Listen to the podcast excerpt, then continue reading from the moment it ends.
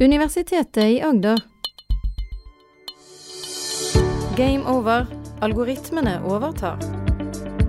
Du hører Maren og Morten snakke om kunstig intelligens. Når jeg låser opp mobilen min, så trenger jeg bare å se på skjermen. Eh, og så låser den seg opp. Ja. Eh, er det kunstig intelligens? Ja, det er det antageligvis. Så hva slags mobil eh, har du? En iPhone. iPhone, ja. Ja, da er det Ja. det. Og, og da bruker man en spesiell type teknikk som heter et nevralt nettverk. Ja. Og nevralt nettverk er jo, har vi jo snakket om Ja. egentlig mange ganger. Det at den, det er det samme som er hjernen, og at det, Eller samme og samme, men det er det samme ordet som er brukt, i hvert fall. Ligner veldig. Og Mm. inspirasjonen kommer fra hjernen.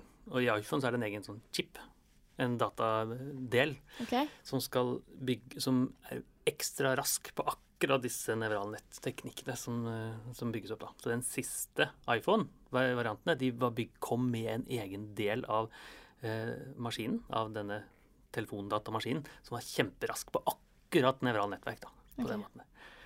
Så det er absolutt eh, kunstig intelligens. Ja. Så det betyr at det, første gang du åpnet telefonen, så må, måtte du se inn på telefonen, regner jeg med. mm. Og må du se litt til venstre og høyre og Ja. typisk. Opp og ned og Og det de gjorde da, det var å trene opp et nevralt nettverk på den Ja. måten. Og da gikk det antageligvis Noen av de bildene gikk til Apple sin senter i et eller annet sted i USA, regner jeg med. Og så trente de opp en veldig veldig stor og kraftig, tung kunstig intelligens. Så de har noen bilder av meg der. Der har de som antageligvis laget- laget bilde av deg, ja. Ja. Hvor du ser til høyre og venstre opp og Ja. ned. Og så trente de opp en kunstig intelligens der, og så ble den kunstig intelligensen sendt tilbake til telefonen din. Og nå ligger den antageligvis lagret på telefonen din, sånn at du kan åpne telefonen med å bare se på kunstig intelligensen. Ja. Og de vil også ha den hos seg fortsatt. Ja, Hvorvidt Apple lagrer det eller ikke, det vet jeg ikke. Ah. Eh, det kan godt hende det er noen personvernlovgivning som gjør at de ikke skal lagre den, at de sletter den. Ja. Men de har, eh, det Men egentlig så kunne det vært brukt til hva som helst. Kunne, det, kunne jeg hatt det på kjøleskapet mitt hjemme, f.eks. Sånn. Ja, ja.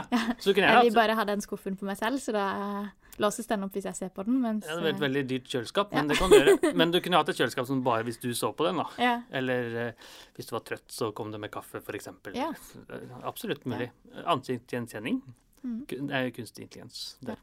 Og da nevrale nettverk, som du kaller det for. Og det må du forklare meg litt mer, for Ja. det syns jeg egentlig høres veldig vanskelig ut. Ja, det er ikke så rart at det er vanskelig, for det, eh, det er jo store og komplekse, og det tar kanskje dagevis å trene opp en sånn nevral nettverk. Okay. Men hvis du tenker på et bilde, da, som du snakket om, så er det jo Bildet består egentlig bare av en rekke prikker. Mm. Masse, masse prikker. Og på en eller annen måte så skal alle disse prikkene da oversettes til Maren, som er deg da på slutten. Eller ikke Maren. Mm. Og hvordan klarer man liksom å slå sammen disse prikkene betyr Maren, og disse betyr ikke Maren. Og Ja. Veldig mye som skjer egentlig på en gang.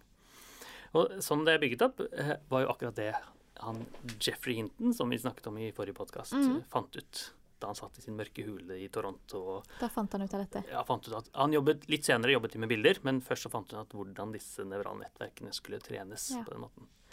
Så han kom ikke helt av det blå. Han hadde jo, det var noen som jobbet med det før osv. Men han turte å jobbe med det når andre ikke turte å jobbe med det. Mm. Og hva det egentlig er, det er jo en rekke sånne nevroner, som er sånn hjerneting. Mm. Eh, de er jo ikke ekte nevroner, det er jo ikke celler. Fysiske celler. Men er det kode, eller er det en eh, det er absolutt kode. Ja. Programkode. Så, han, så Hinton og hans gruppe sitter jo og programmerer. Så det er ikke noe fysisk man kan se? Man Nei. kan ikke se disse Man kan ikke se det fysisk, det er en kode inni. Så eh, vi snakket om noen podkaster tilbake om en som het Frank Rosenblatt. Han bygde det fysisk. Så man kan bygge det fysisk okay. hvis man vil. Ja. Men sånn, man kan se disse nevronene Mm. fysisk, og så Mm. koble de sammen osv. Men det gjør man typisk ikke i dag, for det er mye lettere å bare programmere det i et dataprogram. Ja. Man kan gjerne se det for seg fysisk, da, som en hjerne med nevroner som er koblet sammen. Og det den egentlig gjør, det er jo at den har masse, masse, masse, masse nevroner. Og i hvert fall i de enkleste formene, så er de alle nevronene koblet sammen med veldig mange andre nevroner. Som masse, masse, masse, masse, masse koblinger. Mm. Tusenvis, kanskje millioner av koblinger på den måten. Og det, når du da dytter inn et bilde, det den egentlig, lurer, det den egentlig gjør da, det er at den skrur av og på noen av nevronene, sånn at det på en eller annen måte til slutt kommer ut Maren eller ikke Maren. Så ett nevron er da en slags sensor som skrus av eller på? Ja, veldig god, godt tankegang. Det er en sensor. Den skal helst være i de aller fleste tilfeller enten på eller av. Okay. Så da, helt på slutten av nettverket så skal det være den nevronen som eh, kategoriserer Maren, skal være på. Mm. Hvis det er du som åpner det. Hvis jeg tar telefonen din, så skal den helst være av. Ja. Og da sier iPhone-teknologien at hvis den nevronen er på, så Mm. låser vi opp. Og hvis den nevronen er av, så låser vi den ikke opp. Ja. Og, og det var akkurat det Hinton fant ut. Så eh, eh, hvordan man skulle bygge de opp, og hvordan man skulle trene de. på en måte. Eh, og det Hinton faktisk gjorde, det var jo, han jobbet ikke med bilder først, det kommer litt senere. Men det han gjorde, var å, dytte inn en rekke folk, og hva slags forhold de menneskene hadde med hverandre. OK. Så for eksempel at eh, eh, Christopher er gift med Penelope, for eksempel, var sånn typisk ting som han dyttet inn. da. Så han, han er gift med hun. Christopher er gift med Penelope. ja. Men det tenker jeg, det er jo ikke en absolutt faktor. Dette kan jo endres hvis eh, eh, Christopher da gifter seg med Katrine i stedet. Jeg tror man må være gift med én om gangen, tenker jeg. Men, Ja. ja. Men eh, Men du tenker at de først skiller seg, og så gifter seg igjen? ja, eller at det er flere som heter det samme, eller det jo Ja, ja. Dette kan jo endres. Ja. Forhåpentligvis gjør det jo ikke det, men eh, det kan jo Det kan, ja, så, Kan skje. I vårt samfunn sendes det veldig mye. mm, Folk gifter seg, folk får barn, og det skjer hele tiden endringer. Mm. Så Hinton gjorde en veldig forenkling. Han tok bare 24 stykker, okay, og så Ja. sa han at de var gift med dem. Ja. Så han satt på forhånd at disse er gift, og så sendte han igjennom og sa at eh, hvis jeg sender gjennom Kari, så er hun gift med Per. Ja, helt riktig. Ja. Eh, så da sendte han at Kari er gift med Per, Mm. og så sa han at Per er far til Ola, f.eks. Mm. Og så da spør han, eh, når han når dytta inn de to informasjonene, og så er det på en eller annen måte noen nevroner som blir på og av, og på en måte. Så sender du inn, da, så spør du hvem er Kari gift med Ja. etterpå. Og da skal jo forhåpentligvis Per-nevronet bli slått på på Mm. slutten, da. Eh, og da er det noe matematikk som gjør at noen nevroner slår seg på, og noen nevroner slår seg av. Mm. Men forhåpentligvis så blir da riktig person eh, kommer ut av nevronet når man dytter inn det. Men dette er, det høres jo nesten ut som det er hardkoda inn, da. At, eh, for det er jo en Da er det jo en fasit likevel. Det er jo en eh, absolutt verdi. det, det helt riktig, det er en absolutt verdi. Mm. Så man kunne veldig lett hardkoda det Ja. i løpet av ti minutter.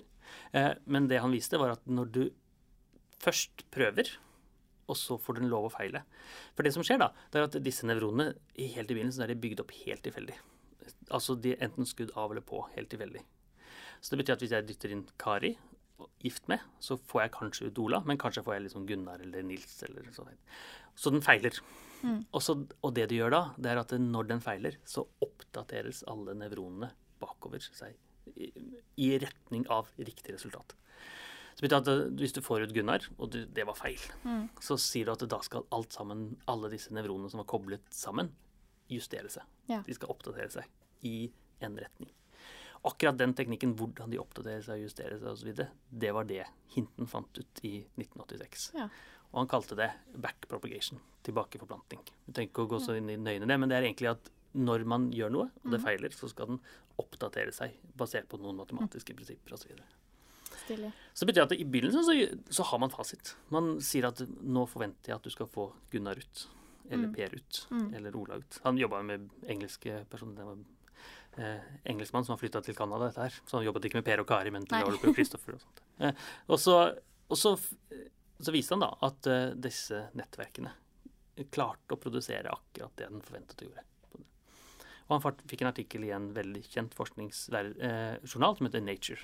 Det er også en sånn båtdrøm for alle forskere å få en artikkel ut i Nature. Det Mm. betyr mye, da. men det, men det, det som var egentlig mest fascinerende, det var at i tillegg til at den klarte å produsere hvem var det som kom ut Altså du fikk den riktige personen ut når du dyttet en familierelasjon, eller ikke bare gift med, men far til og mor til og eh, t- tremenning med osv. Så. Mm. så kunne man se enkeltnevroner som ble skrudd av og på Ja. helt av seg selv, sånn helt autonomt, uten at noen eh, had, uten at hinten hadde sagt at det skal du se etter. ja, det er jo revolusjonerende. Det er egentlig, det, som- det er egentlig en av de revolusjonerende tingene, helt riktig. Mm. Og det betyr at eh, du har f.eks. ble det egne nevroner som lyste opp, ble skudd på, hvis det var en kvinne som kom inn, eller en mann Jaha. som kom inn. Så hintene har ikke sagt at menn er gift med kvinner, som de også stort sett er, osv., men nettverket hadde av seg selv lært seg at dette var en kvinne. Ja. Og han kunne gå inn og se at dette nevronet ble skudd på akkurat når det var kvinner, f.eks. For det betyr noe. Det betyr Mm. noe om du er kvinne eller mann for hvem du gifter deg med. Så mye mer i 86 enn i dag, men det betyr noe. Ja. Og ja, for i dag ville det vel vært litt mer komplisert om hvem som eh, ja, Og lært seg det. og så, og dette er et veldig konstruert eksempel, bare 24 stykker osv. Ja. Men en annen ting den lærte seg, uten at hinten hadde sagt det, det var typen etternavn. Så han hadde tatt Ja. en rekke italienske personer Mm. og en rekke britiske personer. Og de italienske de har jo typisk italienske etternavn og sånt, men er eh, katolikker typisk. Så en katolikk gifter seg typisk, ikke alltid men typisk, med, med en annen katolikk. Mm. Og en protestant, britisk protestant, gifter seg typisk med en annen protestant. Så det var egne Ja, grupperinger. så da lærte den seg det òg. Da kunne du se egne nevroner som var er du protestant eller er du katolikk inni der. Og det er egentlig alt kunstig intelligens er i dag. Det er at man dytter inn masse data, Mm. og så forventer man det som fasit. Hvem er du gift med, osv. Men så klarer den å plukke opp masse mønster i de dataene. Ja. Gjerne mønster som ikke vi hadde forventet var riktig, men det var mønster allikevel. da. Og når du dytter inn eh, bilde av deg selv inn i iPhone, så er det mønster den finner ut av. Den finner ut at eh, øyet ditt er liksom avlangt og litt sånn rundt, og avstand mellom øynene er, er, betyr noe, for Mm. som er forskjell på deg og meg og, og, og de tingene. Og der er det antageligvis egne nevroner, eller grupperinger av nevroner, som har bestemt det. Hvis jeg hadde hatt en enegga tvilling som var ganske lik meg, ville, ville den da klart å se forskjell, eller ville vi begge kunne åpne opp mobilen? Ja, det kan godt hende det kan godt hende dere begge kunne klart det, Ja. hvis det ser helt identisk ut. da. Mm. Og en god tommelfingerregel er jo at hvis vi mennesker klarer å se forskjell på et bilde, Ja. så klarer den kunstig intelligensen det også. Ja. Og hvis vi mennesker ikke klarer det, så klarer kunstig intelligensen typisk ikke Mm. det. Ofte så er det sånn at den kunstig intelligensen er litt bedre enn mennesker. Mm. Og gjerne er det sånn at eh, noen mennesker klarer, og noen mennesker ikke klarer det, ikke, klarer det ikke. Da klarer den kunstig intelligensen det ofte. Okay. Men generelt sett er det hvis, hvis det er helt umulig å skille det. På en måte. Hvis vi nå snakker om bilder som enegga tvillinger, ville du kanskje klart å skille det, er ikke helt sikkert. Mm.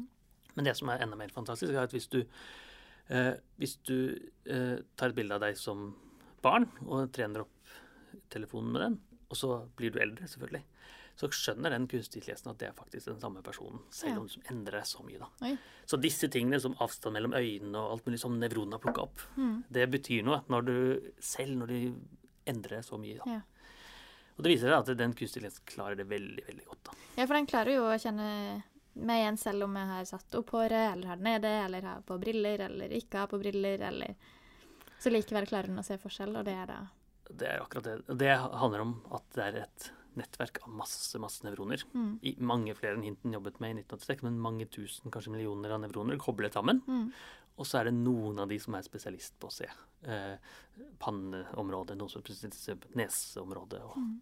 og så videre. Og eh, det betyr at f.eks. for eksempel Vet ikke om du har vært mye ute og flydd, men i noen flyplasser så er det sånn at du kan gå med passet ditt Ja. manuelt. Og Ja. noen steder kan du gå med passet ditt automatisk. Kan du det, ja? Ja, ja det er jeg ikke klar over. Jeg går alltid med passet manuelt. ja riktig. Nei, så det, prøver å gå automatisk, for da får jeg teste den kunstige intelligensen. Ja. For det er jo en kunstig intelligens som sier Men hvordan uh, gjør du det? Er det en maskin du går gjennom, og så Det er en maskin du går gjennom, og så er det et kamera som tar bilde av deg. Ja. Og så kommer det opp da eh, Morten, ikke Morten. Ja. Så da er det et nevralt nettverk som Da jeg har tatt passbilde hos politiet for noen år siden, mm. så ble det antageligvis sendt til et sentralt register, og så trente de opp et nevralt nettverk. Ja. En kunstig intelligens. Basert på hintene sine teknikker. Mhm. Og når jeg går gjennom Amsterdam der, så er det jo Så tar det et nytt bilde av meg, og så sier du er dette samme person. Og, Så de trenger jo ikke pass i det hele tatt? Nei, du må vise passet. Å, du må det ikke Så, legge. så ko- Ja. koble mot en eller annen database okay. eller noe sånt. Og da, eh, og, da er det, og da skal det selvfølgelig kjenne deg igjen, selv om du har fått, brill, fått Ja. briller eller Ja. alle de tingene. Så da jeg var ute, fly, jeg var ute på en konferanse for litt siden, eh, eh, på Hawaii. Det er veldig fint. Veldig mange konferanser på Hawaii. en merkelig da. Og da er det, eh, men da kjøpte jeg en sånn Hawaii-hatt på vei hjem. OK. Så på vei til Hawaii gjennom Amsterdam, Mm. så gikk jeg på den automatiske, og alt gikk fint. På vei tilbake så hadde jeg selvfølgelig på meg hatten. Mm. Og da lyst, kom det rød lys. Oh, ja. Da Så- kom du ikke gjennom. Da kom jeg ikke gjennom. Og da har antageligvis Morten-nevronet Mm. på slutten der ikke lyst opp som Nei. det skulle pga. hatten. Så tar jeg av meg hatten, og så går kunstig intelligens kommer jeg gjennom Ja. der. Og da er den antageligvis har den ikke noe med panna eller noe med Mm. hatten som gjør at den feiler på den Ja. måten. Så ikke veldig godt trent kunstig intelligens.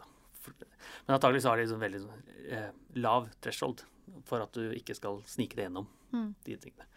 På telefonen din så er det kanskje ikke så farlig om din enegga tvilling åpner telefonen. Nei, ikke sant. Ja. Mens akkurat pass så er de veldig, veldig strenge være, ja. Men de teknikkene der, det er grunnfjellet på all dette, var det Hinton fant ut i 1986 da han publiserte sin artikkel. Hvordan disse nevronene skal lære å koble. Og det handler egentlig om at man får prøver, feiler, og så oppdaterer alle disse nevronene og koblingene mellom nevronene seg sammen på den måten. Stilig. Ja, det er jo helt stilig, for dette er jo, dette er jo alt Nesten alt vi ser av kunstig intelligens i dag, bygger rundt de prinsippene. Som kan virke tunge og matematisk tunge, og til en viss grad så er det det, men prinsippene er jo veldig enkle. Sender noe inn, prøver å feile litt, og så oppdaterer en seg i riktig retning der. Og det er jo dette som skal revolusjonere alt fra arbeidsliv til sykehus og alt dette her. Ja. Så Hinton satt på det. Og det var ikke uten grunn at han da vant denne Turing-prisen, som vi snakket om forrige uke. Og det var det arbeidet han fant i 1986 som var grunnlaget. Så vinner han nå. Det tar sin tid. Du hører Maren og Morten snakke om kunstig intelligens. Har du spørsmål til Maren og Morten, send en e-post til gameover.alfakrølluia.no. Du har nå hørt en podkast fra Universitetet i Agder. Du finner flere podkaster fra UiA på uia.no podkast.